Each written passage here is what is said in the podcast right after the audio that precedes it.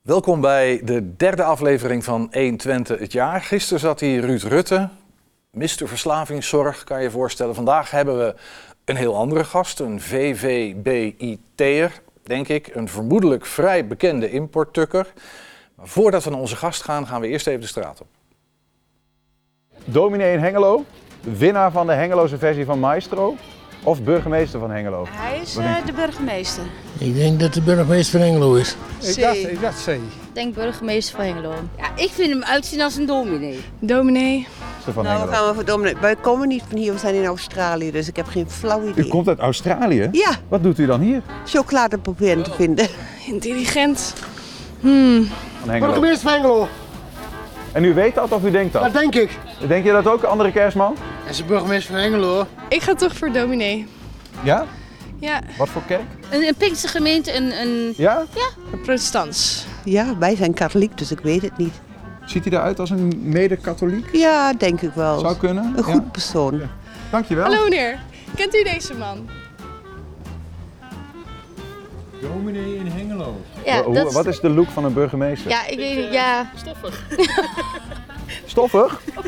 Ik woon in Zutphen, mijn schoonmoeder woont hier. Dus dit is mijn schoonmoeder niet. Ah, een soort van volksmanner is het. Dat is Nee, volksman. Dat is dan weer de Maar dan ga ik burgemeester. toch even op de knieën voor deze man, zeg maar. Oh, er wordt hier iets voor gezegd. Sander. Oh! Ho, ho, ho!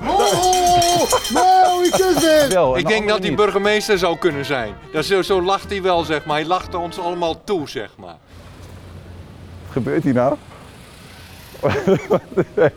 dus hij ziet er niet uit als een dominee. Ja, had ook gekund. Maar Je moet wel een keuze maken. Nee, burgemeester van Hengelo, ja. U ziet er wel een beetje ja. zo uit trouwens. Bent u ook een nee, bestuurder? nee, nee. Hij is Sander Schelberg, De burgemeester. burgemeester de, van de Hengelo. zoon van de andere Schelberg. Kijk, zo. Ja, ehm, wie of wat is hij nou echt? Hij is ridder en koning, een devoot katholiek, Dalia-kweker. Gaan we het niet over hebben waarschijnlijk. VVD'er, daar gaan we het wel over hebben. En inderdaad, burgemeester van Hengelo. Welkom, Sander Schelberg. Dankjewel. Wat leuk dat je er bent. Ja, zeker leuk. Ik heb eh, oprecht naar dit gesprek uitgezien. Eh, zei je net, ik heb een, mijn- dag in Schelberg verdiept en dat is me best bevallen. Nou, goed. Ja, leuk, heel leuk dat je er bent. Ehm, eh, nou, we zijn de straat op geweest, je ziet het, dit was in Hengelo. Is het, voor je, is, is, is het belangrijk voor je dat je herkend wordt? Nou, ik, het is belangrijk dat mensen ehm, me herkennen eh, als hun burgemeester. Ja. Dat is meer dan herkennen, maar ook een erkenning daarin. Dat gaat eigenlijk vanaf dag één snel. Ehm, en dat men ervaart dat ik veel in de stad eh, ben en daar voor de regio ben. En, Het is eh, een soort van een, een, een functioneel belang om herkend te worden. Eh, Het is een functioneel belang, want de daar- kinderen die willen niet meer met mij naar de binnenstad om boodschappen te doen in het weekend. Nee. Want dan is het elke minuut, eh, of nou ja, maar goed, dan word je vaak En aangehouden. boodschappen niet doen. Mag ik wat vertellen? Mag ik wat zeggen? Mag ik wat vragen? wat vind je daarvan? Nee, dat hoort erbij, hè? dus dat hoort bij, de, Nee, maar bij dat het ambt. vraag niet. Mijn vraag is, wat vind je ervan? Dus vind ik, nee, ik ben burgemeester in hart en nieren. Dus ik vind dat, dat, dat mensen dat A, moeten kunnen doen. En ik vind ook dat ik daar tijd voor moet eh, maken. Ja. Dus nee, nee, nee, dat, als ik het niet zou willen, ga ik gewoon ergens anders eh, dat doen. Maar ik vind het ook in de binnenstad leuk. Ik vraag een klein beetje op door, omdat ik ergens las dat je, dat je natuurlijk wel ijdel bent. Maar eh, dat, dat was, zijn je eigen woorden, hè? niet mijn Ja. woorden. Ik heb Ja. daar geen idee over. Maar Heb ik dat nou weer gezegd? Ja. ja, dat weet ik zo eerlijk gezegd ook niet meer. Volgens Nou ja. ergens in een interview. Ja, nou ja, elk mens is in, in, de, in de basis in zekere zin ook wel ijdel. In de zin dat als hij iets, iets van zich... Het heeft ook met zelfverzekerdheid te maken, denk ik. Ja, eh, zeker. We gaan het er zo, eh, denk ik ook wel, want de- de- die glazen stolp, waar we het dan even over Ja. hebben, waar burgemeesters eh, per definitie in leven, niet alleen burgemeesters. Ja, ook nog kind van de burgemeester, dat had deze meneer, die heeft zijn geschiedenis wel op orde. Uit Zutphen, Uit die Zutphen. meneer ook nog. Ja, maar hij wist het wel. Die andere Schelberg zei. Ja, ja, het is vader Schelberg. Eh, Die een van de langzittende burgemeesters van Nederland, schat ik zo in. Maar dat weet ik niet helemaal zeker. Eh, toen, nou 25 jaar, heeft hij eh, in, eh, in de gemeente Weerslo, was hij burgemeester inderdaad, vanaf 1969. Ja. Dat komt niet meer zoveel voor. Nee. Maar toen, nou, ik. Maar ik, ik, ik begreep wel een klein beetje dat de ambitie om dat zijn minst te evenaren, die leeft wel bij Schelberg junior. Nou, niet als de jaren. Je moet het. je, en daar komen we ook inderdaad over te spreken. Je, ik, ik hou van Hengelo, ik hou van het ambt. Eh, aan een stad is het nooit eh, voorbij. Eh, we blijven bouwen. Ik merk ook heel veel fases in wat ik tot nu toe in Hengelo heb mogen doen. Maar ik ben nu zo'n 21 jaar burgemeester, dat wel. Ja, en op voor een, dat is ook een beetje de reden dat je hier zit, op voor een derde termijn. Hè? Dus we hebben er 12 jaar Hengelo op zitten. En dat zouden de zomer dus 18 kunnen worden. Dat is toch wel flink. Is dat fijn om, ja, dat zal ongetwijfeld, anders ga je niet voor een derde termijn. Maar wat, wat maakt dat zo bijzonder? Om dat dan nog een keer te willen in zo'nzelfde Ja. stad? Je het maakt zeggen van, ik ga wat anders doen. Dus ik ergens anders. eh, Ja. Toen ik de eerste keer begon als burgemeester, was ik 36, was ik de jongste burgemeester in het land van een hele kleine gemeente, Hoe 5000. oud was je toen? 36. 36. En dat was de En- jongste burgemeester toen. Toen was de jongste burgemeester in het land. Die zijn nu ietsje jonger, maar dat wisselt ook in de, in de loop van de geschiedenis. Ehm Arjen Gerrits heeft overigens die rode lantaarn van mij overgenomen. En ik heb hem eigenlijk gekregen van Onno van Veldhuizen. Dat is trouwens wel een leuk Nee, echt eh, detail. Maar eh, de grap is dat, nou ja, dan heb je op 5000 veel gedaan. En op een gegeven moment wordt het, eh, wordt het beheren, zou ik maar zeggen. Toen dacht ik, ja, toen kwam de, de, de, de, de, de, de Niet op de winkel passen. Moet iets meer uitdaging zijn. Ik kan niet op de winkel passen. Dat is voor mij, daar, daar heb ik niet veel geduld voor. Toen kwam er een herindelingsgemeente, moet veel gebeuren. Teilingen in het, midden in de Randstad, hartje Randstad. Fantastisch gehad. eh, na zes jaar heel eind op jou. En dan een stad. Maar een stad is meer dan alleen meer inwoners. Dat is veel meer schaakborden, meer dynamiek. En een stad is eigenlijk nooit af. En dat merk ik ook eh, eh, aan, eh, aan Hengelo op dit moment. Dus ook, het is niet op de winkel passen, zeker niet. Nee. En dat wordt het dan de komende jaren ook niet. dat is wat je, dus vandaar nog een, op zijn minst een derde termijn. Ehm, nou, dan lopen we ook al heel erg richting een emeritaat, laten we maar even zeggen. Maar dat. Nou. Ik wil even veel 70. verder- Burgemeesters gaan met hun, eh, met hun 70ste met pensioen en daar ben ik nog lang niet. Ja, ik, ik, ik, ik vind het zo'n eminent beroep dat ik er emeritaat van maak. Ja, dat was toen met de dominee en herkennen van Ja, het filmpje precies. inderdaad. Ja. Maar dat had zomaar gekund, hè? Dat, nou ja, dominee niet, maar devoot katholiek gaan we het zo wel even over. Maar even, even helemaal terug naar het verleden. Want eh, geboren in de Engel, net aan de andere kant van het malle gat. Het is poëzie bijna. ja, De Engel. de Engel. Vind je die prachtig? dat het bestond, maar het is een prachtig plaatsje. Hangend aan Lisse ergens, hè, de Bollestreek. Het hangt aan Lisse en Sassenheim. Het is gemeente Lisse. Mijn vader was toen KVP-raadslid in Lisse. Ja. Maar eh, ja, je hebt een prachtige foto daarbij. Dat is inderdaad in, eh, eh, op Lis, noemen ze het ook wel. De Engel. Derde Poelaan. Wij schreven zelfs, mijn vader schreef ze op het kaartje zelfs Sassenheim. Waar ik later dus burgemeester van werd. Omdat mensen het bijna niet konden vinden, gingen ze veel te ver naar Lisse toe. Dus ehm, midden in de Bollenstreek. Maar het is inderdaad, ik, ik heb het even opgezocht op Google Maps. Het is een vlek. Het zijn twee straten en eh, eh, de- de- een sloot ligt ervoor. Ja, met een overigens prachtige, hele prachtige kerk. Met daarnaast het, eh, het klooster waar ik dus na de eerste jaren naar de kleuterschool ging met, eh, met eh, geklede zusters was dat. Ja. Ja. Ja, want een KVP-gezin, eh, eh, Ja. ik gaf al aan, devoot katholiek.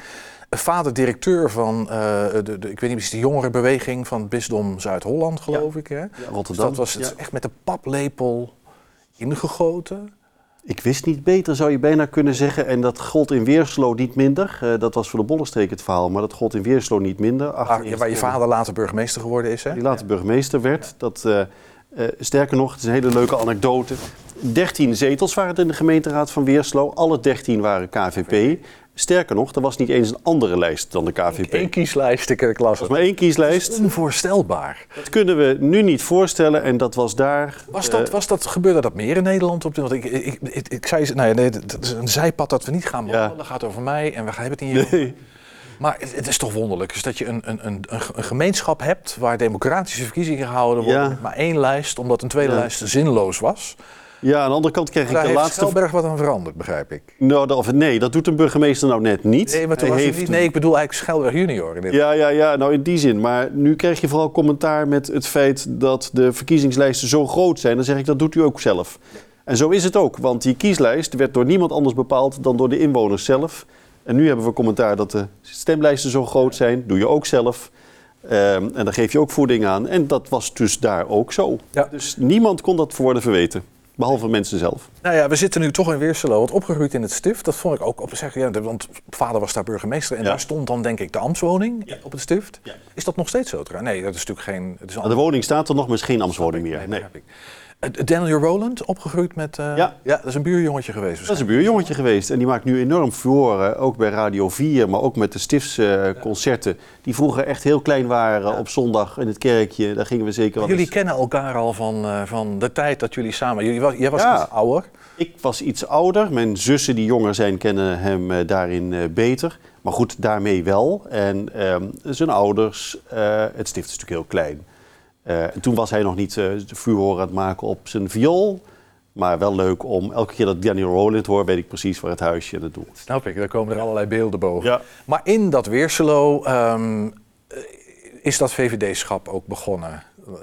Eh, de, Ja. de JOVD, de jongerenvereniging van de VVD. Ja, vrij vroeg al.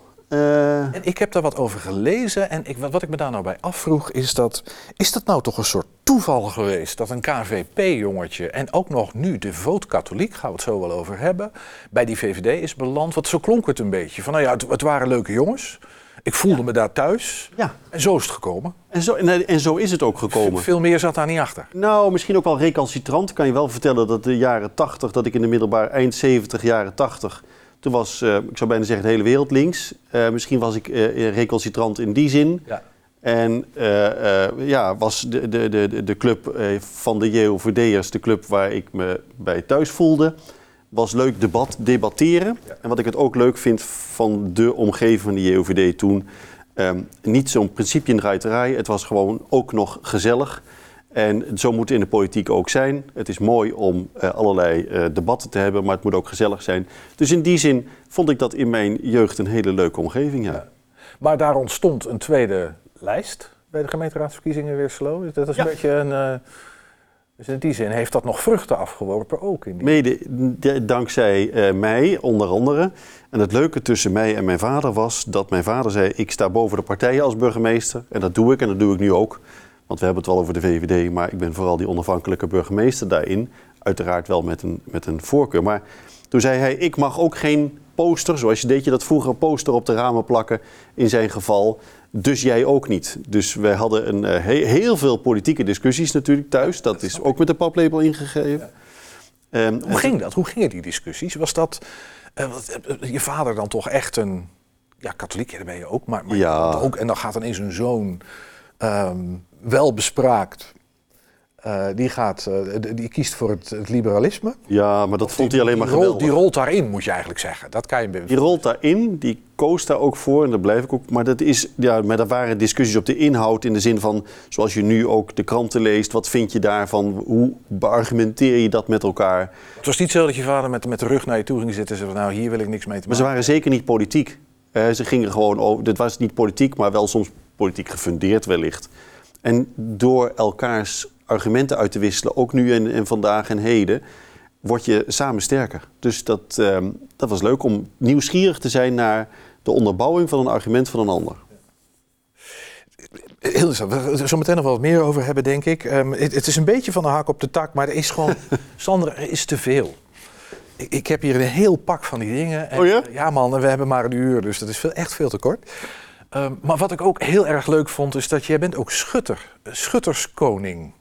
Ja, per ongeluk geworden in mijn eh, vorige gemeente. Je ziet het daar. overkomt jou alles per ongeluk, heb ik zo denk. Nou, dat is niet mooi. Ik ben beschermheer geweest van die eh, club. Dat is de enige, dat is bijzonder hoor, schutterij, schuttersvereniging boven de rivieren. Was nog een juridisch een heel groot probleem. Want dat is typisch van onder de rivieren eigenlijk, hè? Absoluut. Ja. Ja. als je door Lim... dus op van die houten vogels, van die hoge Ja. palen. Dit ook, hè? Dus Hey, dit is maar jij was ook goed, want je hebt, je hebt gewonnen. Je was schutterskoning. Ja, maar dan deed je mee als ik opende die dag. Dat was de eerste Koppermaandag. Dat is een drukkerstraditie. dat de eerste maandag na Oud en Nieuw is Koppermaandag. De, de, de gedenkdag voor drukkers.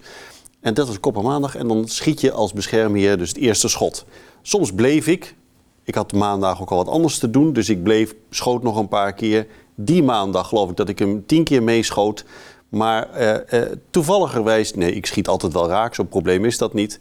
Maar er vlogen ook nog wat punten af. Dus ik had elf punten, ik weet het nog goed. En dat, dat is nooit genoeg voor een eh, winnaar. Dus ik ging aan het werk. Mijn wethouder, die staat daarnaast, helaas overleden, die belde mij op. Ja joh, je staat nog steeds bovenaan. Ik zei, joh, schiet er even door, weet ik wat. Want En nee hoor, er waren heel veel mensen met 10 punten. Er werd gewoon slecht geschoten. Het Er land werd der die dag, is er werd die dag breed slecht geschoten. Ja, oké. En eh, daarmee was ik eh, eh, ook schutterskoning. Ja, het is natuurlijk ook een talent om, om dan in één oog te zijn in het land der blinden. Hè? Om op de goede Ja. plek. Het, talent bij toeval het was een dure avond. De beschermheer geeft sowieso een rondje bij het diner 's avonds. Maar de schutterskoning ook. Dus ik heb, eh, het was een dure avond, ja. ja. Maar wel leuk om een keer te hebben.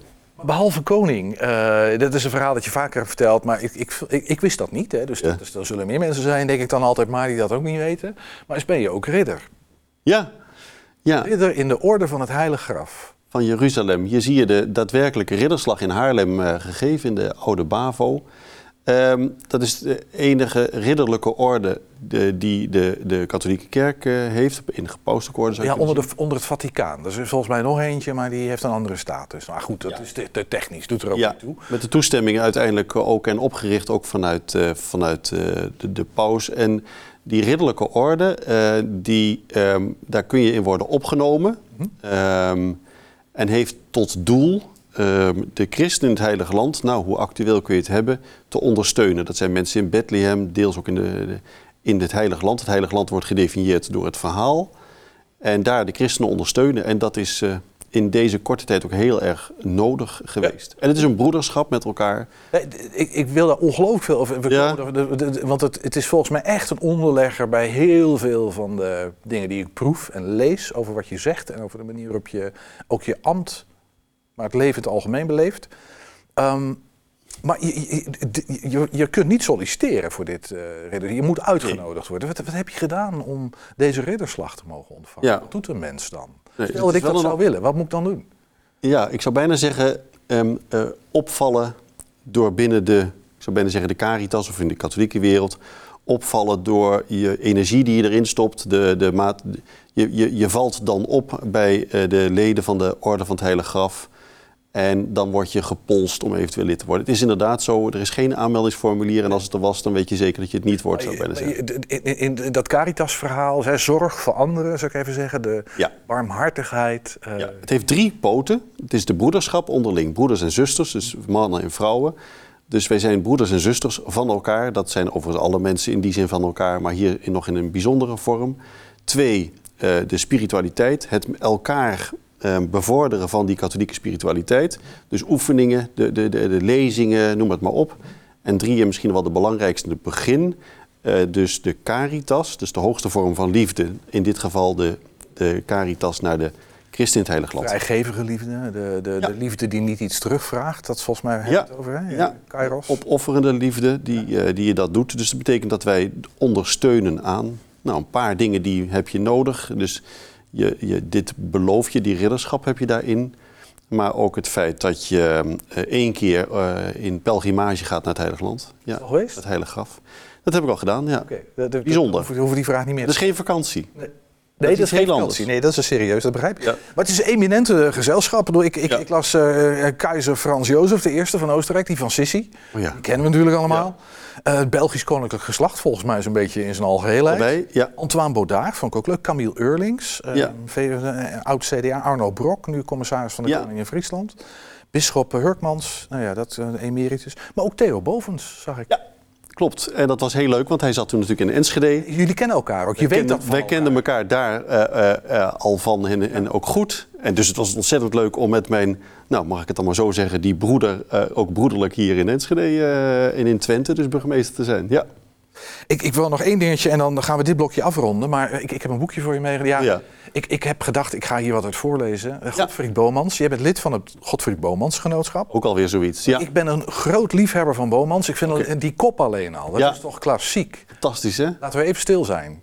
Een bijzondere man, een van de iconen van de Nederlandse literatuur, als je het mij vraagt. Maar wat is er zo... Ik, ik zou het, het niet in mijn hoofd halen om um, lid te worden van een Godfried Bomans Genootschap. Ja, ook rond die Wa- tijd. waarom, waarom, waarom doe je dat? En wat is er zo bijzonder aan deze gebrilde katholiek? Het is een ook. ehm, hij is stilistisch om te beginnen grappig. Ik verzamel alles wat los en vast zit van Bomans. en er is ook veel te verzamelen. Ik lees alles wat, eh, wat los en vast zit. Maar elke dag is er nog iets over Bomans. Die man leeft nog. Sinds 71 daadwerkelijk overleden. Ja. Maar hij leeft door. Hij was in de jaren 60, 70 de best gekocht, verkochte en gelezen. Televisiepersoonlijkheid en Ook. Eh, dus het is natuurlijk leuk. Hij is natuurlijk ongelooflijk humoristisch knap. Het is stilistisch, maar breed. Je doet nu bij minder gelovig het serieuze deel. Hij heeft spookjes geschreven, een paar Pinkelman. Het is een enorm oeuvre wat hij... heeft Pieter Bas, die heb ik in mijn boekenkast gezocht, maar die heb ik uitgeleend. is nooit teruggekomen waarschijnlijk. Ja, ik heb ook een Pieter Bas afwijking. Ik verzamel alle drukken en bijdragen van Pieter Bas, Bas. even voor de mensen die het niet weten, is een van de. Nou ja, het is, het- ik denk dat het zijn beste boek is. Eh, hij is bekend van Erik of het Kleine Insectenboek. Dat is natuurlijk Ja. dat bekender is. Ja. Pieter Bas vindt, maar dat is ook persoonlijk. Pak de sprookjes niet uit. Die zijn, die zijn van eh, internationale eh klasse. Ook veel vertaald. Ehm, ja. We zouden, we zouden echt een uur kunnen vullen met Ja. over Bormans. Ik, het, zijn ironie. De kunst van de ironie, die zijn we een beetje verloren in onze maatschappij, heb ik het gevoel. We nemen onszelf veel te serieus. En Heel te serieus. Ja. Ja, dat, Hij beheerste met Carmichelt als geen ander de kunst van de ironie. Dat is denk ik... eh, ja, en hij is gebleven. Want nadat Carmichelt overleden is, is eigenlijk Carmichelt verdwenen uit de literatuur. De, de, ook antiquarisch kun je de oud papierprijs gek genoeg. Ook het, eh, de Carmichelt kring. Bomans leeft. Maar Bomans, het genootschap leeft, eh, wordt heruitgegeven. Nou, het is in... Ik, Eh, Hierbij dan even een tip aan eh, de jongeren en misschien ook de oudere kijkers die zeggen van eh, lees vooral Bomans, probeer hem. En, en dan ga ik, als we het toch over eh, jongere kijkers en luisteraars. Domine en Kalle, jullie zijn bij ons terug. Eh, ja, ik zeg maar even van de band eh, Kies Pijn. Ehm, maar ik, ik, ik las dat het kerstpijn geworden is. Ja, even- een tijdelijke verandering. eh. Dat behoeft toch uitleg. Ja, de kerst komt er weer aan en eh, we hadden zo'n leuk jaar gehad dat we toch even een, eh, iets, iets eruit wouden doen voor, eh, voor iedereen die is komen kijken dit jaar naar. Nou, kerstpijn. Kerstpijn. Een leuk jaar gehad en dan kom je met kerstpijn. Met hele droevige plaatjes ook. Ja, kerst is altijd een beetje dubbel, denk ik. Ja, het is natuurlijk vooral heel gezellig, maar je, het is ook voor, denk ik, voor heel veel mensen in onze generatie wel het moment dat je met je hele familie zit en dat je weer wordt gevraagd. Heb je al een vriend? Eh, heb je al een baan? Hoe gaat het op de studie? Dat is misschien een beetje het... eh, Plichte gezelligheid. Precies, eh, ja. Los van hoe liefde alle familie kan zijn. Ja. Ik, had dat plaatje had ik misschien even kunnen laten, daar heb ik niet aan gedacht. Maar op social media zijn jullie te vinden. De band Kiespijn, eh Domien Verbeek, eh, Kalle Ordelman. Ehm, wat gaan jullie spelen nu? Ehm, het nummer heet eh, Wensen. Eh, het is nog maar net nieuw, dus eh, ja, primeurtje. Primeurtje. Een primeur. Nou, laat horen jongens.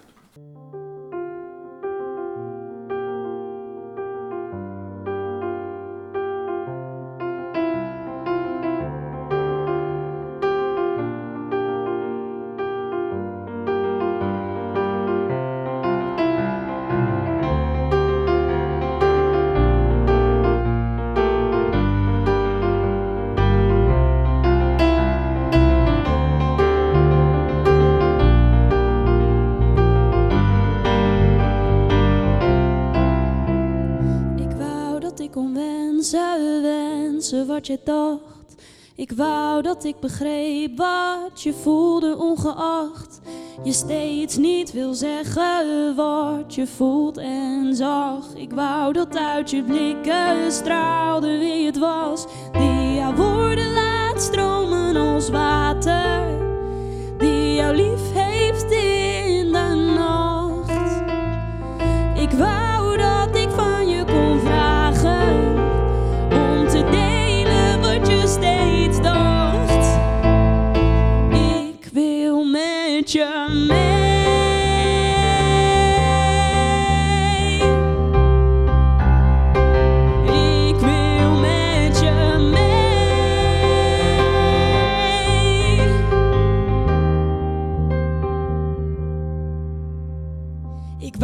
ik kon wensen, wensen wie hij was.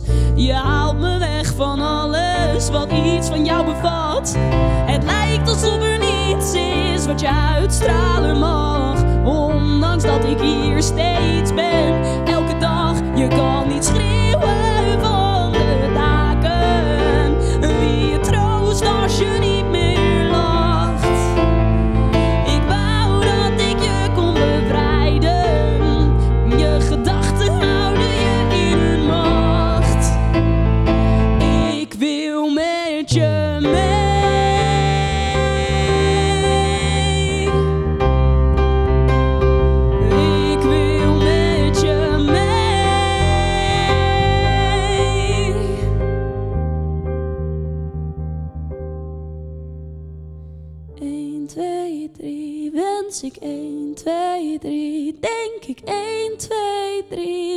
3 wensen. Ik wacht op je 1, 2, 3, tel ik 1, 2, 3, wacht ik 1, 2, 3 wensen.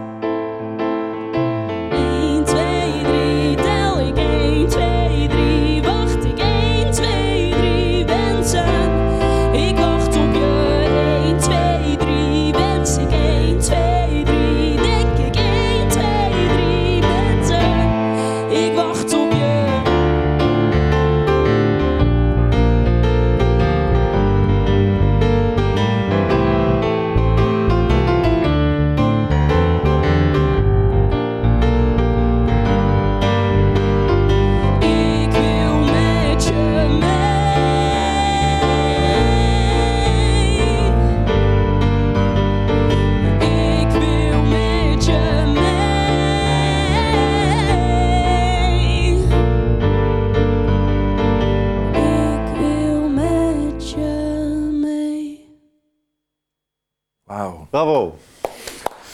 Ja, Kalle Ordelman en Domien Verbeek van de band Kiespijn. Dat zijn van die teksten waar je echt even voor moet gaan zitten. Daar hou ik erg van. Dat is mooi. Ja. Dus, eh, nog een keertje kijken en luisteren, denk ik eigenlijk. Dank jullie wel. Zeker, dank jullie wel. Dat wil je toch ook zelf kunnen, hè? Dat- jij? Heb je dat niet, dat ik dat ook zelf wil kunnen? Nou, ik kan ik het een klein beetje. Ja. Eh, dat is ernstig. Maar eh, ja. Ja. Het is ook een nadeel hoor. Het is soms Oh. is het heel fijn om een soort focus te hebben. Van één ding te kunnen. Goed te kunnen. En niet te veel, ja. aan Nou, jullie kunnen het. Ja, Er er kleven ook nadelen aan, vermoed fantastisch. ik. Nou ja, Ik wou het hebben over, eh, nou zeg even de burgemeester en de mens. We hebben het er Ja? ook een beetje over gehad natuurlijk. Ehm, de uitspraak die ik heel grappig vond, ehm, eh, bijna, maar ik ben heel benieuwd hoe je die bedoeld hebt. Is dat je hebt nog niet zo lang geleden verzucht van we hebben eindelijk een constructieve raad. Dat klonk vrij wanhopig. ja. Ja, niet zo lang geleden. Dat is al wel enige tijd geleden. Ik heb ook periodes gehad dat ik een niet-constructieve raad had. Dat was een eh, beroerde tijd. Vond de raad zelf ook. De stad ook. Want Eh, wat, wat, wat maakt een raad wel of niet constructief? Wat is het verschil? Heel eenvoudig zei ik dat bij de komst van, dat is de vorige periode van die raad. We gaan nou niet meer op elkaar letten, maar op de stad. Er werd veel meer, de, men was eh, op elkaar aan het letten, men was Vliegen afvangen. Dat... vliegen afvangen op de persoon, sfeer was weg, dus niet constructief. En ondertussen waren ze dus gewoon niet met de stad bezig. Niet allemaal. Nee, maar even Maar er was, een, er was een, een, een, een, een- bovenstroom en geen onderstroom dat men niet met de stad bezig was. Daar had iedereen het wel van gehad, ook in de stad. En eh, toen kwam er een andere raad en die in wezen ook dat herkende en dus ook constructiever werd. Coalitie-oppositie bestond minder. Er werd gewoon goed met elkaar gesproken op de inhoud, over de stad. Ja, dat is dus... Ik, ik, ik begrijp dat dat constructief is. Maar ik, ik, weet je, ik, ik, ik stel de vraag ook een beetje, het is natuurlijk een beetje een plagerige vraag. Ja. Maar ik bedoel hem ook omdat, omdat we dat natuurlijk allemaal wel herkennen. Hè, is dat je in die volksvertegenwoordiging dat, nou, maar even plat geformuleerd, het eindeloze gouden hoeren met Ja. elkaar bezig zijn en vliegjes afvangen en gaat nergens over. Dat En is jongens, niet goed. heb het nou eens over ons. Maar hoe komt dat nou? Dat dat dan toch, want we herkennen dat allemaal. Volgens mij vindt niemand het echt leuk.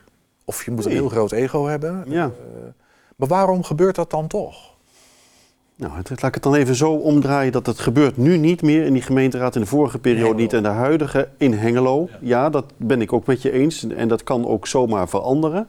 Maar het is ook een dynamiek die ontstaat. En ik merk zelfs met de grote variëteit die we aan partijen ook in Hengelo hebben. Dat is ook zo bij jullie. En als dat dan wat langer duurt in de raad, ja, dan hebben we als stemmer hebben we dat te danken aan veel partijen.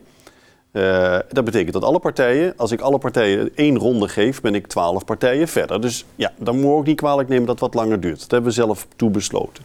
Als het maar constructief gebeurt, op de inhoud en elke mens in de gemeenteraad die het goed voor heeft met de stad, en dan zijn er dus heel veel keuze, ja, die moet wat mij betreft ook een breed tijd krijgen en mogelijkheid Moet zijn krijgen verhaal kunnen doen. Die moet zijn verhaal kunnen doen. Ja.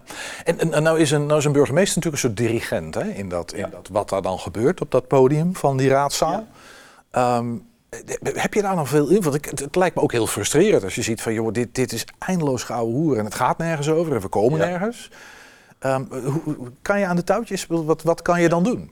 Ja, dan, ja, wat je kunt, ik ga niet alle geheimen verklappen, maar het is wel zo dat je. Eh, nou ja, nee. De, kijk, een goed voorzitter zorgt, zorgt wel dat als het debat, dat kun je ook aan mijn fysiek zien, als een debat tussen raadsleden elkaar overtuigend, ze hebben een motie ingediend. Ik wil graag dat de motie een meerderheid krijgt. Overtuig vooral elkaar. Geen antwoord, vraag- en antwoordspelletje met het college. Ik zeg tegen de raadsleden, dat verlies je in beginsel altijd. Eh, want ja, dat, dat, is niet een, dat is een onevenwichtig eh, spel. Probeer vooral met elkaar te debatteren. Elkaar te overtuigen. Als dat goed gaat, is het een goed debat, zit ik ook iets naar achter. Wordt het herhalen, wordt het ehm, persoonlijk, niet via, de, niet via de voorzitter, dat kan dus niet, dat is een verbod, een derde persoon, dan krijg je vanzelf een mooi debat. Ehm, en dat kun je beïnvloeden, ja. En dat Gebeurt soms. spelregels die we met met elkaar hebben afgesproken in hoe we dat soort debatten doen. Hè? Ja. Heel zou je bijna kunnen zeggen. Als we die met elkaar goed bewaken, zijn we al een stuk verder. Zijn we echt een stuk verder. En, en geef mensen de ruimte. Zoek ook op. Ehm Onder van Veldhuizen zei dat wel eens. Let in Twente vooral op mensen die niks zeggen. En probeer hen te ontlokken dat ze wat gaan zeggen. Of mensen die... Sommige mensen zeggen te veel en te vaak iets. Even rustig. Dat snap ik. Maar dat is een soort van algemene vergadertactiek, techniek, zeg maar. Maar daar kan je als voorzitter van de gemeenteraad niet zoveel... Ik, kan kan me niet... echt Toch wel? Veel aan doen. Je kunt mensen verleiden. Je, kunt- bent de hele tijd al stil, zeg eens wat. Doe je dat Nou, dan? Zo doe je het niet. Maar het is, dat gebeurt ook non-verbaal. Eh, aangeven, is dit jouw tijd? Mooi geweest. Eh, naar voren zitten. Dat, dat, dat leer je niet in een boekje. Maar nou ja, dan heeft ervaring ook wat mee. Ik hoorde jou zeggen dat, dat de gemeenteraad het daarin ook wat beter doet dan de Tweede Kamer. Eh, nou ja, Veel beter. Veel beter zelfs. Ja, ik, als ik naar de. Kijk, ik ben blij in deze tijd. Sommige mensen zijn ook in verwarring. Tijden van polarisatie noemen ze het ook wel eens. Wat moet er nu gebeuren? Vragen mensen ook wel eens aan elkaar en ook aan mij. En dan zeg ik wel eens: ik ben blij dat ik in het lokale bestuur ben. Ik heb ook heel bewust voor het lokale bestuur gekozen, al vroeg. Ehm, omdat, ja, ik zeg het wel eens gekscherend, socialistisch asfalt kennen we niet. Liberale lantaarnpalen bestaan ook niet. Wij moeten uiteindelijk die stad bouwen.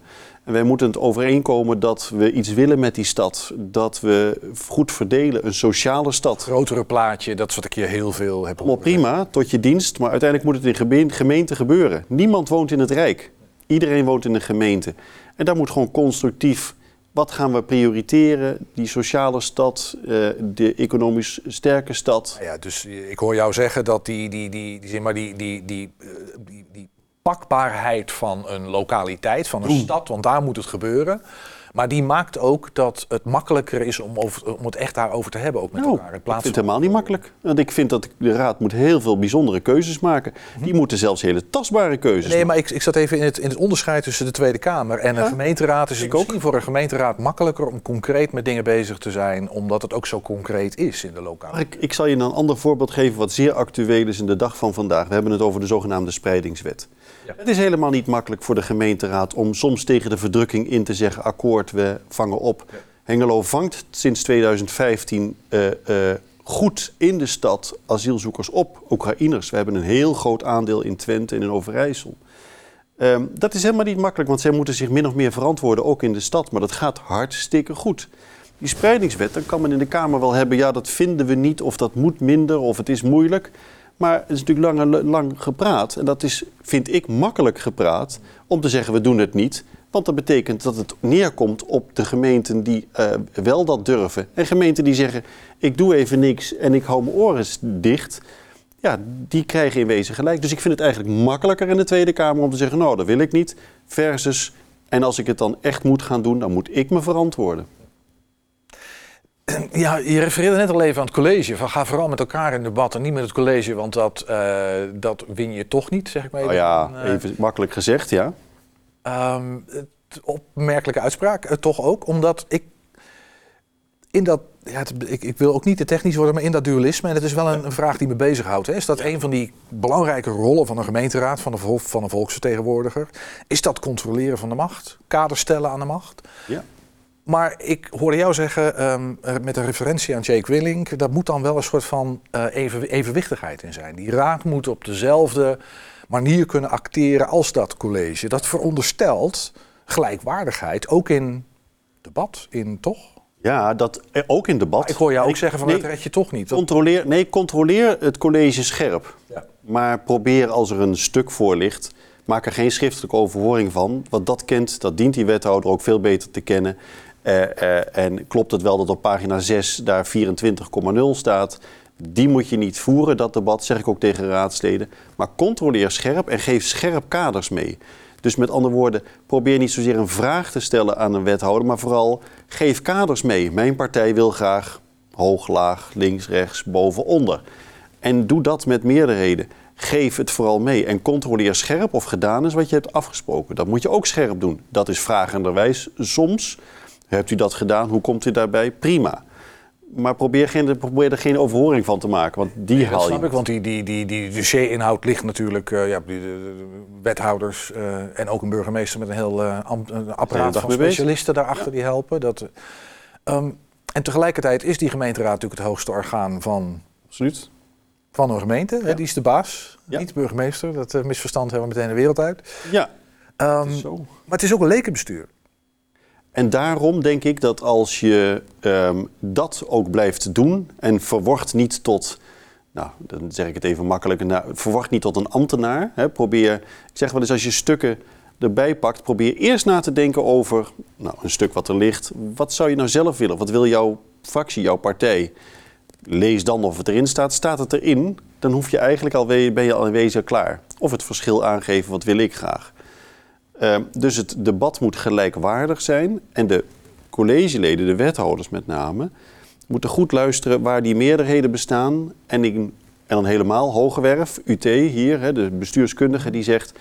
de mate van democratie is ook afhankelijk van de mate waarin je over, naar minderheden luistert. Het is niet altijd de, eh, tellen. Het is ook kijken naar waar het kan. Eigenlijk, is mijn onderliggende vraag, maar lukt dat een beetje? Weet je, doen wij dat een beetje? Want ik vind dat, ja. die onderliggende stukken, lees dat nou eens goed. Nou, ik, dit is gierend kort door de bocht, maar even voor het gemak van, uh, van het gesprek. Het komt wel eens voor dat ik bij raadsleden wel eens denk van... nou, ik weet helemaal niet of ze het stuk wel kunnen lezen en doorgronden. Ja, dat is ook vaak moeilijk en uh, uh, in die zin... Je kunt ook zeggen als het gaat over, ik noem wat, de, uh, het bomenbeleid.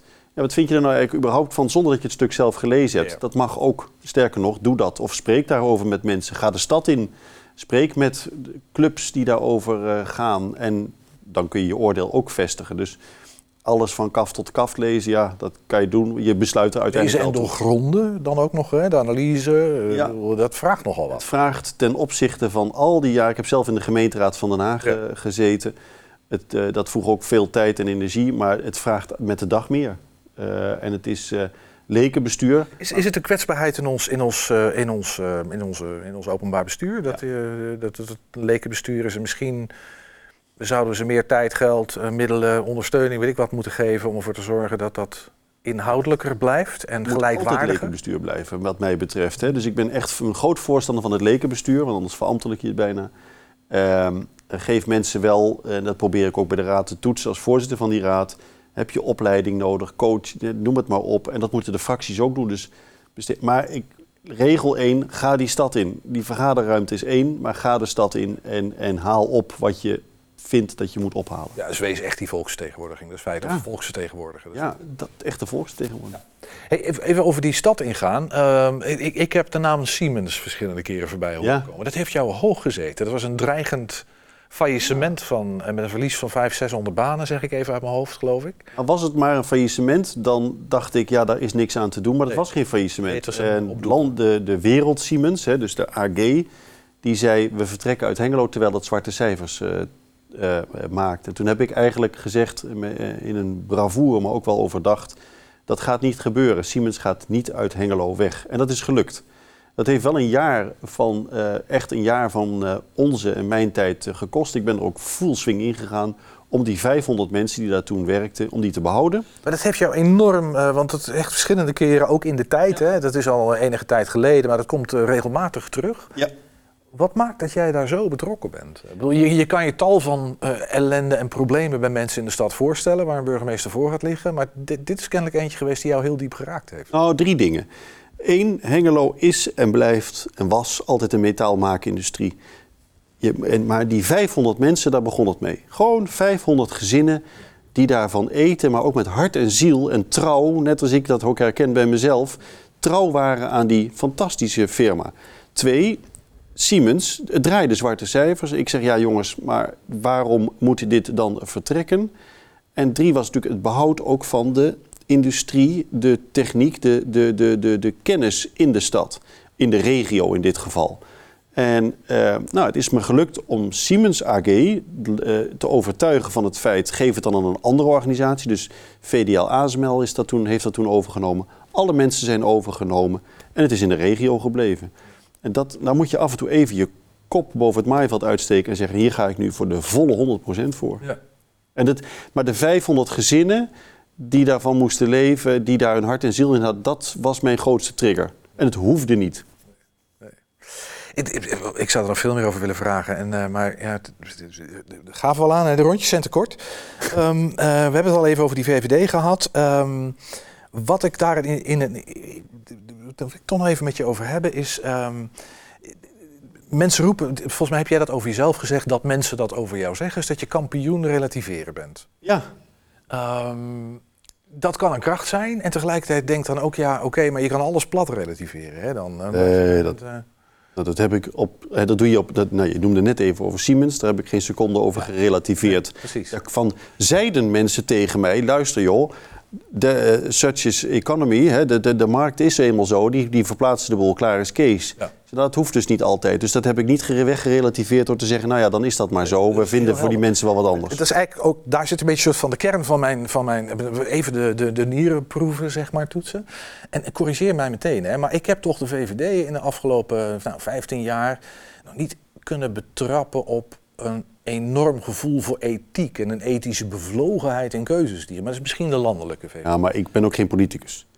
Eh, dus, Is het zo simpel? Maar, maar toch wel echt een, een, een liberaal. Hoe, Ja. hoe zit dat bij, bij Sander Schelberg? Dat, Ik ben wel een liberaal, maar de liberalisme in de zin van... Kijk, om te beginnen is een burgemeester, staat hij boven de partijen. En ik ben, ik ben eh, ik hoorde laatst Jan van Zanen zeggen... Ik ben ook, eh, ik ben, in de eerste plaats ben ik een openbaar bestuurder.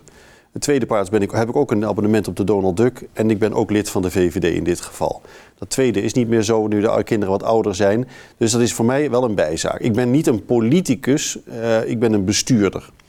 Eh, je en- doet dat vanuit een ja, in de basis wel. ethisch kader. In jouw geval Ja. zeker. Maar die zit meer in een, een, een optelsom. Zoek naar de menselijke maat, vind ik een hele belangrijke. Zoek naar het algemeen belang wat de mensen hebben. Waar zit de gemeenschapszin? En, en zoek naar solidariteit binnen een samenleving. Die vier zijn voor mij misschien wel maatgevend in het dagelijkse. Het liberale in het geheel zit, is dat ik zoek naar vrijheden, dat mensen kunnen doen en soms ook laten in hun persoonlijke op, leven. Maar laat het van dat. Ja. Ja, dat ze keuzes kunnen maken. Dat wil niet zeggen dat ze dat moeten maken. En daar zit hem dat, dat, dat deel in. Ehm, ik ben niet zo'n partijtijger, maar ik, eh, nou ja, er zitten wat van dat soort elementen in in mijn dagelijks. Hoe, want dan toch, hè? Maar misschien speelt het voor jou. Nou ja. Maar hoe kijk jij dan naar. ehm, dat is een oprechte vraag. Ja? Eh, maar hoe kijk jij dan naar de, nou, de, de, de, de, de landelijke VVD? Alles wat daar de afgelopen Ja. jaren gebeurd is. We hebben het nu over vertrouwen in bestuurscultuur. Misschien ook wel ambtelijke cultuur. Daar heeft natuurlijk toch de VVD een belangrijke rol in gespeeld. Daar kunnen we niet omheen. Ja, met elkaar. Ja, goed, ik, ik- het, is niet, het is niet aan mij om daar een, ver- een verdediging op Je te bent niet zo van de zetten. meningen, dat weet ik wel. Maar... Nou, dat gaat niet zozeer om de mening, maar ik probeer ook wel wat nuance te zoeken. Eh, Kijk, eh, eh, wat ik een rare vind, ook in de, in, de, in, de, in, in, in, in, in de samenleving, het was Rutte die het niet deed. Nee, het is een heel kabinet, het zijn vele partijen, sterker nog in al die... hè, de- en daar meteen dat label van een persoon eh, op eh, pakken, dat, ja, wat, wat, wat, wat, wat is dat dan? Dus we doen het allemaal met elkaar. Ook de Kamer, alles, iedereen doet dat met elkaar. En daar, heeft, daar zijn partijen die altijd vooraan stonden. Als je de grootste bent, is dat zo. Ja, dan wordt ook het label gepakt, dan heb jij dat dus gedaan. Nou, volgens mij doen we dat in, de, in, in Nederland in de volle breedte. We hebben nu vijf partijen in Hengelo eh, die in het college zitten... en die moeten met alle andere partijen die klus krijgen. Maar helder. Maar vind je het beeld onterecht dan? Snap je dat dat beeld eh, De samenleving toch leeft? Ja. De gepolariseerde samenleving verandert. En daar komt die, volgens mij, daar komt dat label... Wit beeld vandaan. zwart-wit beeld vandaan. Dus die polarisatie is gegroeid. De problemen zijn gegroeid. Gek genoeg noemen we alles een crisis. Een wooncrisis, een asielcrisis. Maar het is helemaal geen crisis. Het zijn grote opgaven. Klimaat is een grote opgave, is geen crisis. Crisis lost een burgemeester op. Crisis is de explosie, is, de, is het ongeluk, is, het, is, is, is, is de, eh, de, de zaken die gebeuren bij brand. Dat zijn crisis. Dit zijn grote opgaves. Je moet als politiek überhaupt, maar volgens mij deden alle partijen dat, dat veel te veel zeggen: het is een crisis. Ja, maar dan doe je voorkomen alsof je het morgen hebt opgelost. Daar zit wel een probleem. Geef duidelijk aan, alle partijen, dat dit langjarig en veel kost in tijd en energie. Ik had met je nog willen praten over de rol van de media in dat hele in de polarisatie. Zou Sociale media? Ja, so- ja, ja daar, daar heb je uit, bij uitgesproken over. Hè, dus dat kunnen mensen online wel terugvinden, wat je ervan vindt, denk ik. Zal ik ook eens zoeken. Maar ik dacht gewoon even, wij zijn van de niet-sociale media, Ja. we hebben er gewone. Er is allemaal geen tijd voor. Ehm, we gaan even naar een video.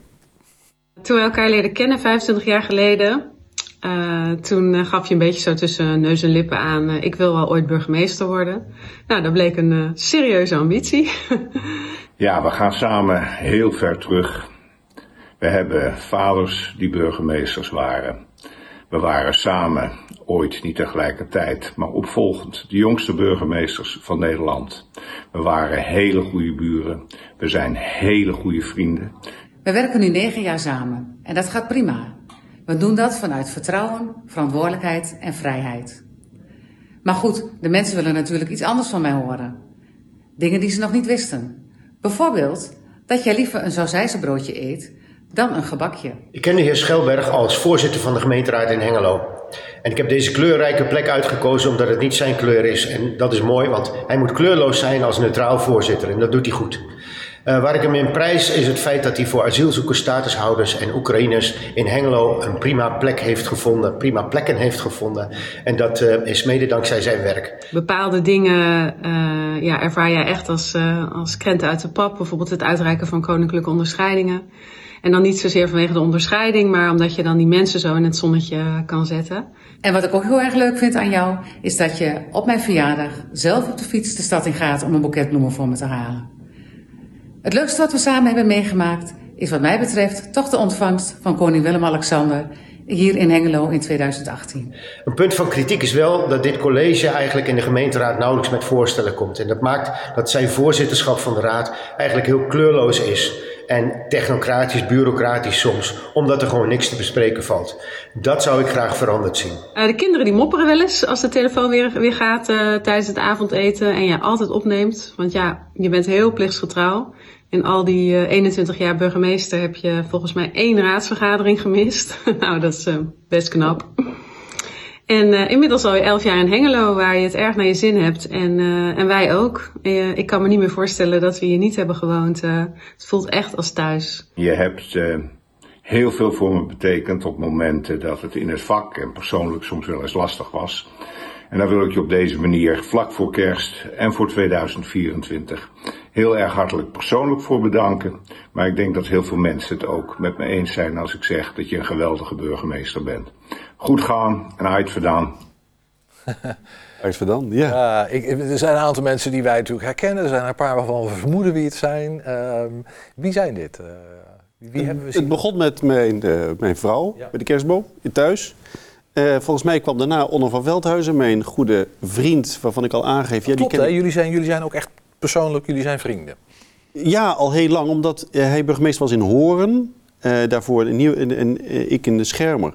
Dus wij waren al nabije buren. En er was een klik en ik, wij belden elkaar zomaar voor advies van hoe zou jij dat doen? En dat was soms een bevestiging van je eigen gedachten. Eh, Zo bij de denk ik, joh, we zijn goede vrienden. We gaan allebei naar het oosten van het land. We- Nou, het bevalt ons wel naast Ik zal je wel vertellen, toen Peter Oudste wegging, heb ik hem gebeld. Ik zeg, Onno, Enschede komt vrij, kom hier naartoe. Echt? En, ehm, en eh, nou, toen hebben we daar ook wel over doorgepraat. En uiteindelijk heeft hij het natuurlijk helemaal zelf bedacht om te gaan enzovoort.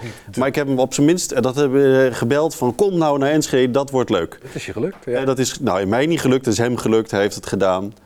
Ik zag de Nestor van de Raad, eh, Vincent Mulder, die, eh die eh, Met een- sprak... Met een oproep nog. Met een oproep die hij overigens altijd in de gemeenteraad doet. Dat is helemaal prima. Dat moet hij vooral doen. Hij pakt de gelegenheid aan om dat nog een keer te zeggen. Helemaal goed. Ehm, ik, nou, mijn, mijn secretaresse, mijn dierbare secretaresse, Anja, die voor mij heel belangrijk is in het, in, het, in het chaotische, om daar orde in te scheppen. Had ik maar een secretaresse, eh, Sander. Wat een Ja. zegen moet dat zijn. Ja, eh, nou, ik kan me niet voorstellen hoe dat eh, niet is. Het heel, de- een hele goede match. ruilen. We gaan een dagje ruilen, weet je eens hoe dat is. Ja, nou, ik- nee, ik moet er niet aan denken, inderdaad. Ja, met jou wel, maar... Heel even, even, want jullie hebben een aantal kinderen natuurlijk ook. hè? Heel even kort, hoe ziet dat gezin voor jullie eruit? Ons gezin is dat we, mijn vrouw en ik hebben eh, drie kinderen. Eh, ik heb zelf nog een dochter. Mijn oudste dochter die is eh, op dit moment woordvoerder van Ernst Kuipers, de, de minister van VWS. perswoordvoerder, persvoorlichter heet dat zo mooi. Heel bijzonder om dat te zien. Ja, snap ik. Onze oudste zoon die ehm, eh, woont tegenwoordig in Rotterdam, studeert fiscale economie. Die is daar dit jaar begonnen. Een andere zoon eh, was begonnen met zijn opleiding onderwijsassistent, maar zoekt nog naar een betere opleiding op dit moment. En jong, onze jongste dochter die doet eindexamen dit jaar. Spannend. Dus ja, allemaal van die mooie veranderingen in het leven. En, en ook, ook een, eh, dat, dat- je vrouw, als ik het goed begrepen heb, die heeft bestuurskunde, bestuurs- en organisatiewetenschappen gedaan, geloof ik. Ja. hier. En eh, nu kraamzorg, hè? En die is deze, de, vorige week begonnen. Hier liep ze wel met de gedachte. Ze eh, heeft inderdaad universitaire studie gedaan, gymnasium. En dan ga je vast in een stramien. Dat stramien is consultancy, strategisch adviseur, direct secretaris. Nou, je kent het wel. Of niet, maar zij wel. En toen dacht ze bij zichzelf, nee, maar dat wil ik niet. En ze heeft een enorme eh, strijd moeten leveren, deels met zichzelf, maar ook met, met de samenleving, om te zeggen: ik wil iets heel anders. En zij is begonnen aan een opleiding kraamzorg. En gaat, eh, nou, derde kerstdag, het eerste kerstkindje, ergens eh, alvast begeleiden. Dus, ja. Ja, mooi. Ik vind dat best een opmerkelijke switch, toch? Dat is een enorme opmerkelijke switch waar de samenleving helemaal niet op in mee kan. Dat is een hele gekke. het heel moeilijk te begrijpen dat Ja. iemand zoiets doet. Ja, dat is één. En Maar ook de werkgevers, waarvan ik denk, jeetje, als er nou zo'n krapte is, waarom dan zo moeilijk doen? En deze organisatie, eh, die kan daar wel op inspelen, heeft verkorte opleidingen. En eh, eh, Naviva Kraamzorg pakt dit wel goed op. Even naar deze, dit is, dit is jullie trouwfoto op een balkonnetje. Ehm, Ik heb van een betrouw, uit betrouwbare bron vernomen dat, dat hier een bijzonder verhaal achter zit. Maar kon me niet vertellen wat dat bijzondere verhaal was. Ik denk, nou, dan moet ik gewoon bij Ja. eh, de persoon in kwestie zelf zijn. Wij zeggen, je trouwdag is sowieso bijzonder. Dat is per definitie. Wij waren uiteindelijk eh, van plan, in, toen we nog in Den Haag woonden en ik eh, burgemeester werd in de Schermer, eh, om al in Den Haag te gaan trouwen. Dat stond al ergens. Dat hebben we uitgesteld, want we hadden andere dingen te doen. Naar de Schermer gegaan, daar getrouwd. Prachtig gemeentehuisje, een oude herenboerderij. Je was hier burgemeester, hè? Dit, eh, Ik dit- was hier burgemeester. De burgemeester die trouwt in zijn eigen gemeente. Eh, nou, eh, alles erop en eraan. Eh, maar eh, 1 februari 2003, 1, 2, 3, toevallig, maar wel heel erg leuk. Ehm, enorme sneeuwblizzard. Het was, we hebben tot, bijna tot aan de knieën in de sneeuw gestaan. Veel gasten zijn ook gestrand die dag. Ehm, eh, eh, maar wel een prachtig landschap in een prachtige open gemeente. Hierna, na dit gemeentehuis, gingen we naar de kerk. De pastoor trouwt natuurlijk ook maar één keer in zijn leven. Een, ehm, Waarschijnlijk. eh, eh, waarschijnlijk, ja, nou deze zeker. Ja. De burgemeester, dus die nam ook alle tijd. En die nam zoveel tijd dat buiten de brandweer stond daar de stoep te vegen. Want we werden met de brandweerauto naar eh, uiteindelijk het wapen van, van Schermerhorn gebracht. En, maar die hebben daar twee uur lang lopen vegen om alle sneeuw voor ons keurig te doen. Ja, ja, het was een, een mooie dag, uiteraard. Oh ja, maar de sneeuwblizzard en alles wat daarbij kwam kijken. Nou, dragen overigens even voor de grap.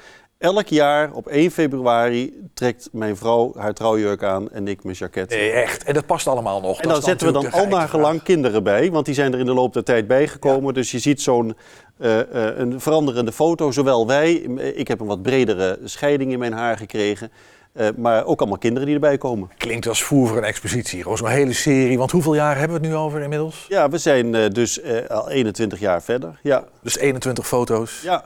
Over eh, foto's verzamelen, over serie gesproken.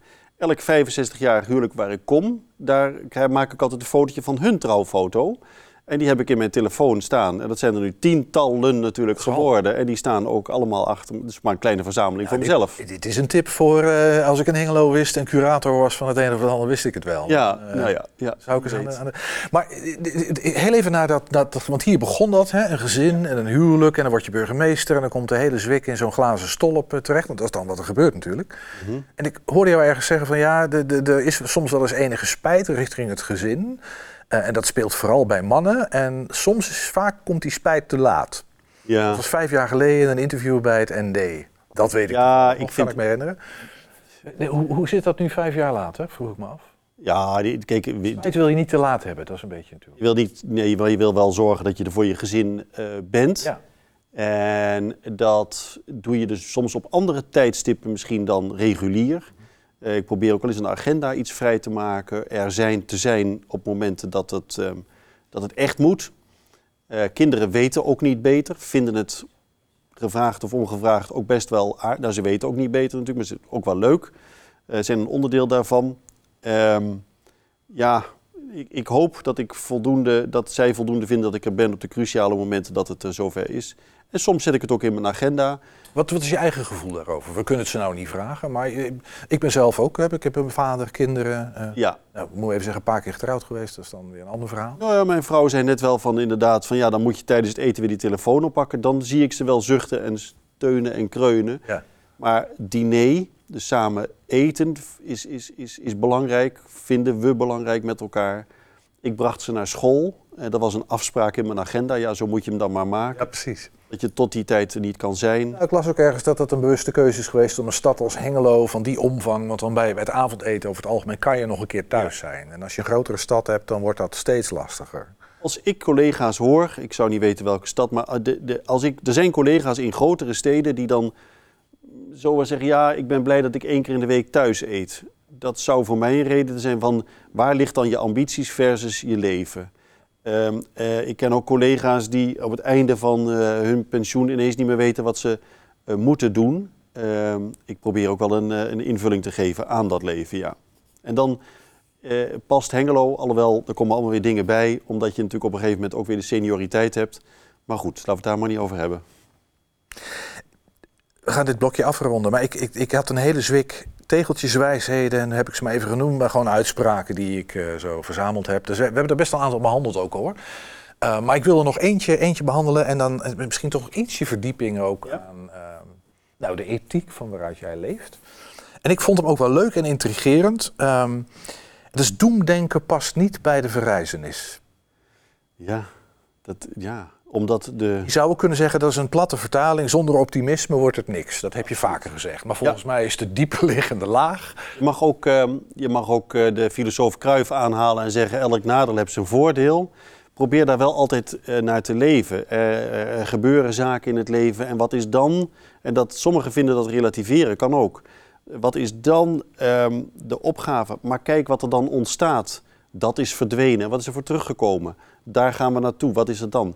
Probeer wel keuzes te maken, want in de versnellende samenleving, want die hebben we ook, we hebben een hele rare versnellende samenleving. En we dachten het opheffen van de brief door e-mail, dat dat ons zou, tijd zou schelen. Nou, het omgekeerde is waar. Nee, dat klopt, ja. Eh, maar probeer dat wel om te zetten in resonantie. Probeer daar wel eh, wat rustig... Nou, weet je, de, de onderliggende vraag die er, ik, ik, ik, ik volg hem en ik snap hem, denk ik. En dat is ook zo. En tegelijkertijd ehm, eh, is er ook iets van, nou ja, realisme. En, en is er dan altijd. Zijn er momenten waarop je denkt, jongens, ik zie echt die horizon, ik zie hem nou gewoon niet meer. Eh, Blijf naar zoeken. Dat is mijn idee dan. Dan als je hem niet ziet, blijf zoeken naar die horizon. Blijf zoeken naar dat lichtpuntje. Ook voor jezelf. Want doemdenken, dat is trouwens volgens mij van Van Cote en de Bie ook inderdaad. Hè. Dus het, het, het probeer eh, niet in dat diepe gat te blijven. Want dan ga je de horizon nog heel lang niet meer zien. Zoek naar een oplossing. Zoek naar dat lichtpuntje. Eh, zie ook wat er eh, voor jou gebeurd is. Of dat mensen altijd bereid zijn je te helpen. Het, weet je, het komt denk ik ook, die vraag komt bij mij ook een beetje, ben ik gewoon even maar heel eerlijk, maar die komt ook een beetje voort uit, eh, is- dat ik soms ook wel wat moe word van het, en ik ben een positivo puur sang. Ik denk mensen die me goed kennen, maar dat ik soms ook wel een beetje moe word van, ehm, ah, dit, dit is erg politieke kleur, maar ik ga toch even, ik- we, hebben, het hierover, Ehm, eh, dingen weglachen. Eh, wij VVD'ers zijn positieve mensen. Wij kijken positief naar het leven. En denk ik, ja, het zal je de koekoek. Hier in Enschede-Zuid zitten mensen die van ellende niet weten hoe ze rond moeten komen. En dan... Weet je, die tegenstelling... Maar wat wil je dan vervolgens mee doen? Want ik zie ook mensen in nood. Nou, ik wilde jou vragen hoe jij met, die, met dat soort dynamieken omgaat en hoe dat bij jou zit. Hè? Dat... Ja, maar luister, kijk eens. Een van de zware taken als burgemeester is soms bij hele emotionele zaken, een meisje wat vermoord raakt, jonge kinderen die uh, uh, uh, met suïcide omgaan, in ongelukken. Daar ga ik traditioneel, probeer ik zo snel mogelijk naar de ouders te bellen of te gaan. naar de crisis toe, dat is een andere uitspraak. Dan ga ik naar de crisis toe. Ik loop altijd naar de crisis toe, omdat dat mijn taak is. Je kunt er ook voor weglopen. Ik vind doemdenken weglopen, in mijn optiek. Ja. En ik ga naar de ouders toe en leg alleen een arm om hen heen. Soms letterlijk, soms figuurlijk. Door de telefoon kan ik ook die arm leggen. Dan is de vraag, wat is die arm? Dat is steun, dat is zoeken naar een horizon. Um, laten zien dat mensen met je meeleven. Je kunt ook doemdenkend hen verder in de put praten. Nee. Ik snap, ja. Als, als, als vlucht niet voor weglopen, maar daar naartoe gaan. Ja. En het licht aan het eind van de tunnel zien. Um, we gaan ook dit blokje afronden. Heel langzaam sowieso naar een afronding. Maar ik ga nog even naar Domien en uh, Kalle. Um, hang je plank maar om, uh, Kalle. Um, en ik ga het heel kort houden. Gewoon, wat gaan jullie spelen? En misschien ook even, is er een onderliggende reden voor de keus van dit lied? Klaar, wat gaan jullie spelen? Ja, we gaan nu uh, een nummer spelen dat heet Te Laat. Dat is het eerste nummer wat we met de band hebben geschreven, wat we wel het langste spelen ook. Um, en het wordt, het is een klein primeurtje, maar als je niet doorvertelt, dan vertel ik het wel. De, dat wordt het eerste nummer wat we gaan uitbrengen waarschijnlijk komend jaar. Dus nou, alvast een voorproefje. We zijn dol op primeurs. Kalle Orderman en Domien Verbeek.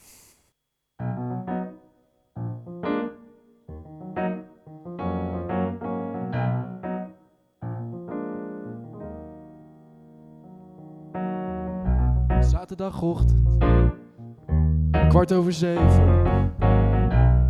Ik wist het en jij ook. Twee weken later, waar zijn we gebleven? Dit was toch wat je wou. Waar staan we nu? Vraag ik continu. Maar natuurlijk niet hardop.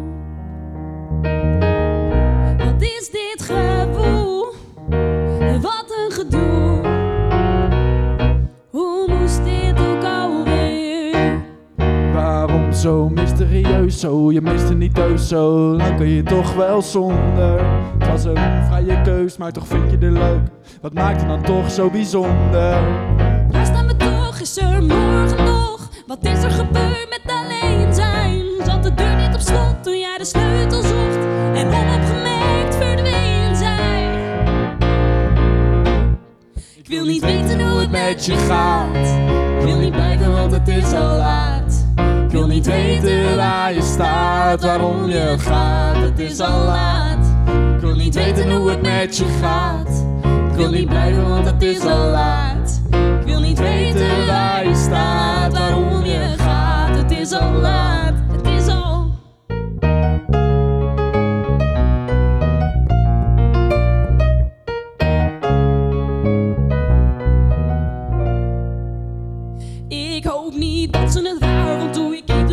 Stond En dat ik nu niet met haar meega. Het was toch maar voor een avond, weet niet wat ik van haar vond. Toch staat ze nog steeds daar. Of is het toch wat je wil? Waarom ben je nog stil?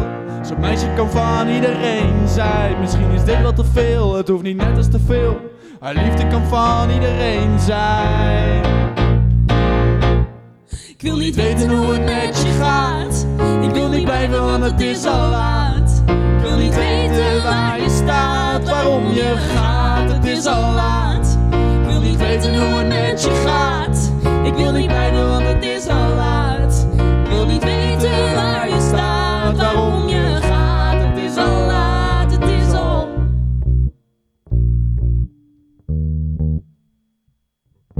Ga je naar de volgende of blijf je nu bij mij? Ben ik de enige of staan ze in de rij? Moet ik nu al van je houden of is dan nog veel te vroeg? Ben ik nu de jouwe? Ik weet niet meer hoe dit moet. Ga je naar de volgende of blijf je nu bij mij? Ben ik de enige of staan ze in de rij? Moet ik nu al van je houden of is dan nog veel te vroeg? Ben ik nu de jouwe? Ik weet niet meer hoe dit moet. Ga je naar de volgende of blijf je nu bij mij? Ben ik de enige of staan ze in de rij? Moet ik nu al van je houden of is dan nog veel te vroeg? Ben ik nu de jouwe? Ik weet niet meer hoe dit moet. Ga je naar de volgende of blijf je nu bij mij? Ben ik de enige of staan ze in de rij? Of is dan nog veel te vroeg?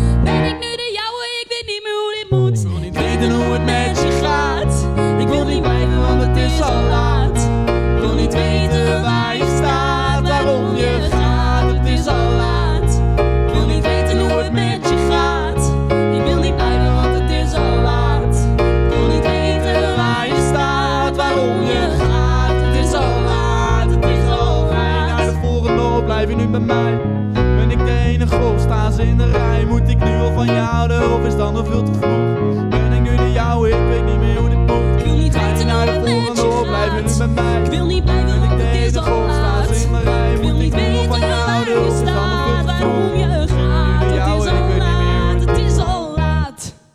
Oh, ja, mooi. Nice. Dank jullie wel. Ja, eh, bijna naar een afronding, eh, maar we gaan nog. Daar vergiste ik mij net, maar dat moet ik eigenlijk niet zeggen. Dus dat knippen jullie er zo meteen maar uit. We gaan nog even de straat op. Oké. Ik gun hem zoals alle andere 18 miljoen Nederlanders Gewoon het het allerbeste. aller, allerbeste voor volgend jaar. Nee, dat het iedereen goed gaat. Heel veel succes. maar heel veel zegen in het eh nieuwjaar. G- gelukkig nieuwjaar. Laten we samen het goede doen. Voor jezelf, voor de ander, voor de gemeenschap en voor de anderen, voor de hele wereld. Hengelo, het gaat je goed? Oh, wel, het is pas een nieuw jaar wat het begint. eh, En nou hoop dat het beter wordt. Succes. Ja, doe je best. Fijne feestdagen. Ja. Zorg goed voor Hengelo. Zorg goed voor Hengelo. Ja. Hebben jullie nog een eindejaarsboodschap voor de, voor de, voor de, burgemeester daar in de camera? Burgemeester, hele fijne feestdagen en gelukkig nieuwjaar. Ho, ho, ho. Ja, fantastisch. Mooi. Leuk. Nee, Ja. dat is ook fijn. Een zegenbede is voor jou. Ik moest, eh, jij schrijft elk jaar boven je voordeur een zegenbede, heb ik eh, begrepen. Dat klopt, hè? Ik, ik hou van die eh, dingen die een vast baken geven in een mens eh, leven. Als je in Duitsland boven veel voordeuren kijkt, zie je CMB en het jaartal. In Duitsland, hier ook in Noord-Rijn-Westfalen, is dat zeer gebruikelijk. Hoe zuidelijker gaat ook. En dat vond ik een heel mooi gebruik om op drie koningen eh, is dan het gebruik om CMB en het jaartal te zetten. Dus elk jaar met, gewoon met potlood. Eh, of met, eh, met een, met, een, Krijtje. met een krijtje.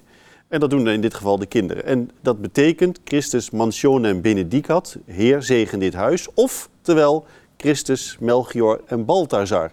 En je ziet het als je het oog voor hebt in Duitsland overal en bij mij op de voordeur ook.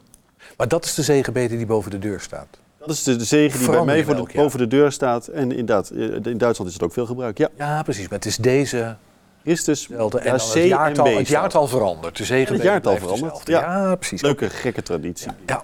Ik had je willen vragen wat je. Want ik, ik dacht dat het elk, elk jaar een nieuwe zegenbede zou zijn. Nee, zeg die- maar maar dat is. eh, want ik had je. Kijk maar in Duitsland, je ziet het overal. Nee, ik, ik, helder. Eh, Ik ben weer wat wijzer geworden. Dat is heel fijn van dit soort dagen. Ik leer ook wat.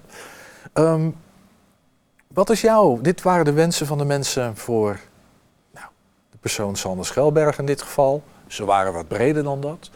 Als jij naar het komende jaar kijkt. ehm, wat wens je ons toe? Ik wens natuurlijk, eh, en dat is gangbaar, dat je zegt: ik hoop dat alle wensen vervuld worden die je maar hoopt in je leven, die je als mens wat meegeven. Eh, een, een goede vriend van mij, een jaarclubgenoot, hij ligt op sterven, maar gaf een jongen, eh, was tot nu toe bisschop in Roermond. En die gaf in tijden van polarisatie iets mee aan mij en aan andere mensen. En die zegt: heb altijd oog voor het verdriet van een ander. Dat betekent eigenlijk, leef je in in een ander. Daar word jij rijker van, maar het begrip voor de ander zit hem daar ook in. En die wijsheid van mijn goede vriend en broeder eh, Harry Smeets, die zou ik eigenlijk iedereen wensen. Leef je in in een ander. Heb oog voor het verdriet van de ander. En daarmee verrijk je jezelf en heb je begrip voor veel meer mensen dan in de polarisatie, waar iedereen maar een mening heeft over een ander. Het is ook de oproep van ontferm je dan ook. Wat je daarmee doet, is twee. Eh, leef je eerst maar eens in. En volgens mij, Laten we in mijn geval gaat dat eigenlijk gaan altijd we vanzelf. 2024 eh, nemen we die mee om daar eens mee te beginnen. Om ons het beter in te leven dan anderen. Ja. Dankjewel, Sander Schelberg, burgemeester van, eh, van Hengelo. Maar heel duidelijk ook veel meer dan dat voor dit gesprek. Dank jij wel. Ja. Daarmee zijn wij aan het einde gekomen van deze aflevering. De één na laatste alweer van 120 het jaar. Morgen zit hier Jan Riesewijk, ehm Twents cabaretier, comedian. Eh, Ik weet niet wat hij allemaal is, maar dat gaan we morgen van hem horen. Bedankt voor het kijken voor nu en tot morgen.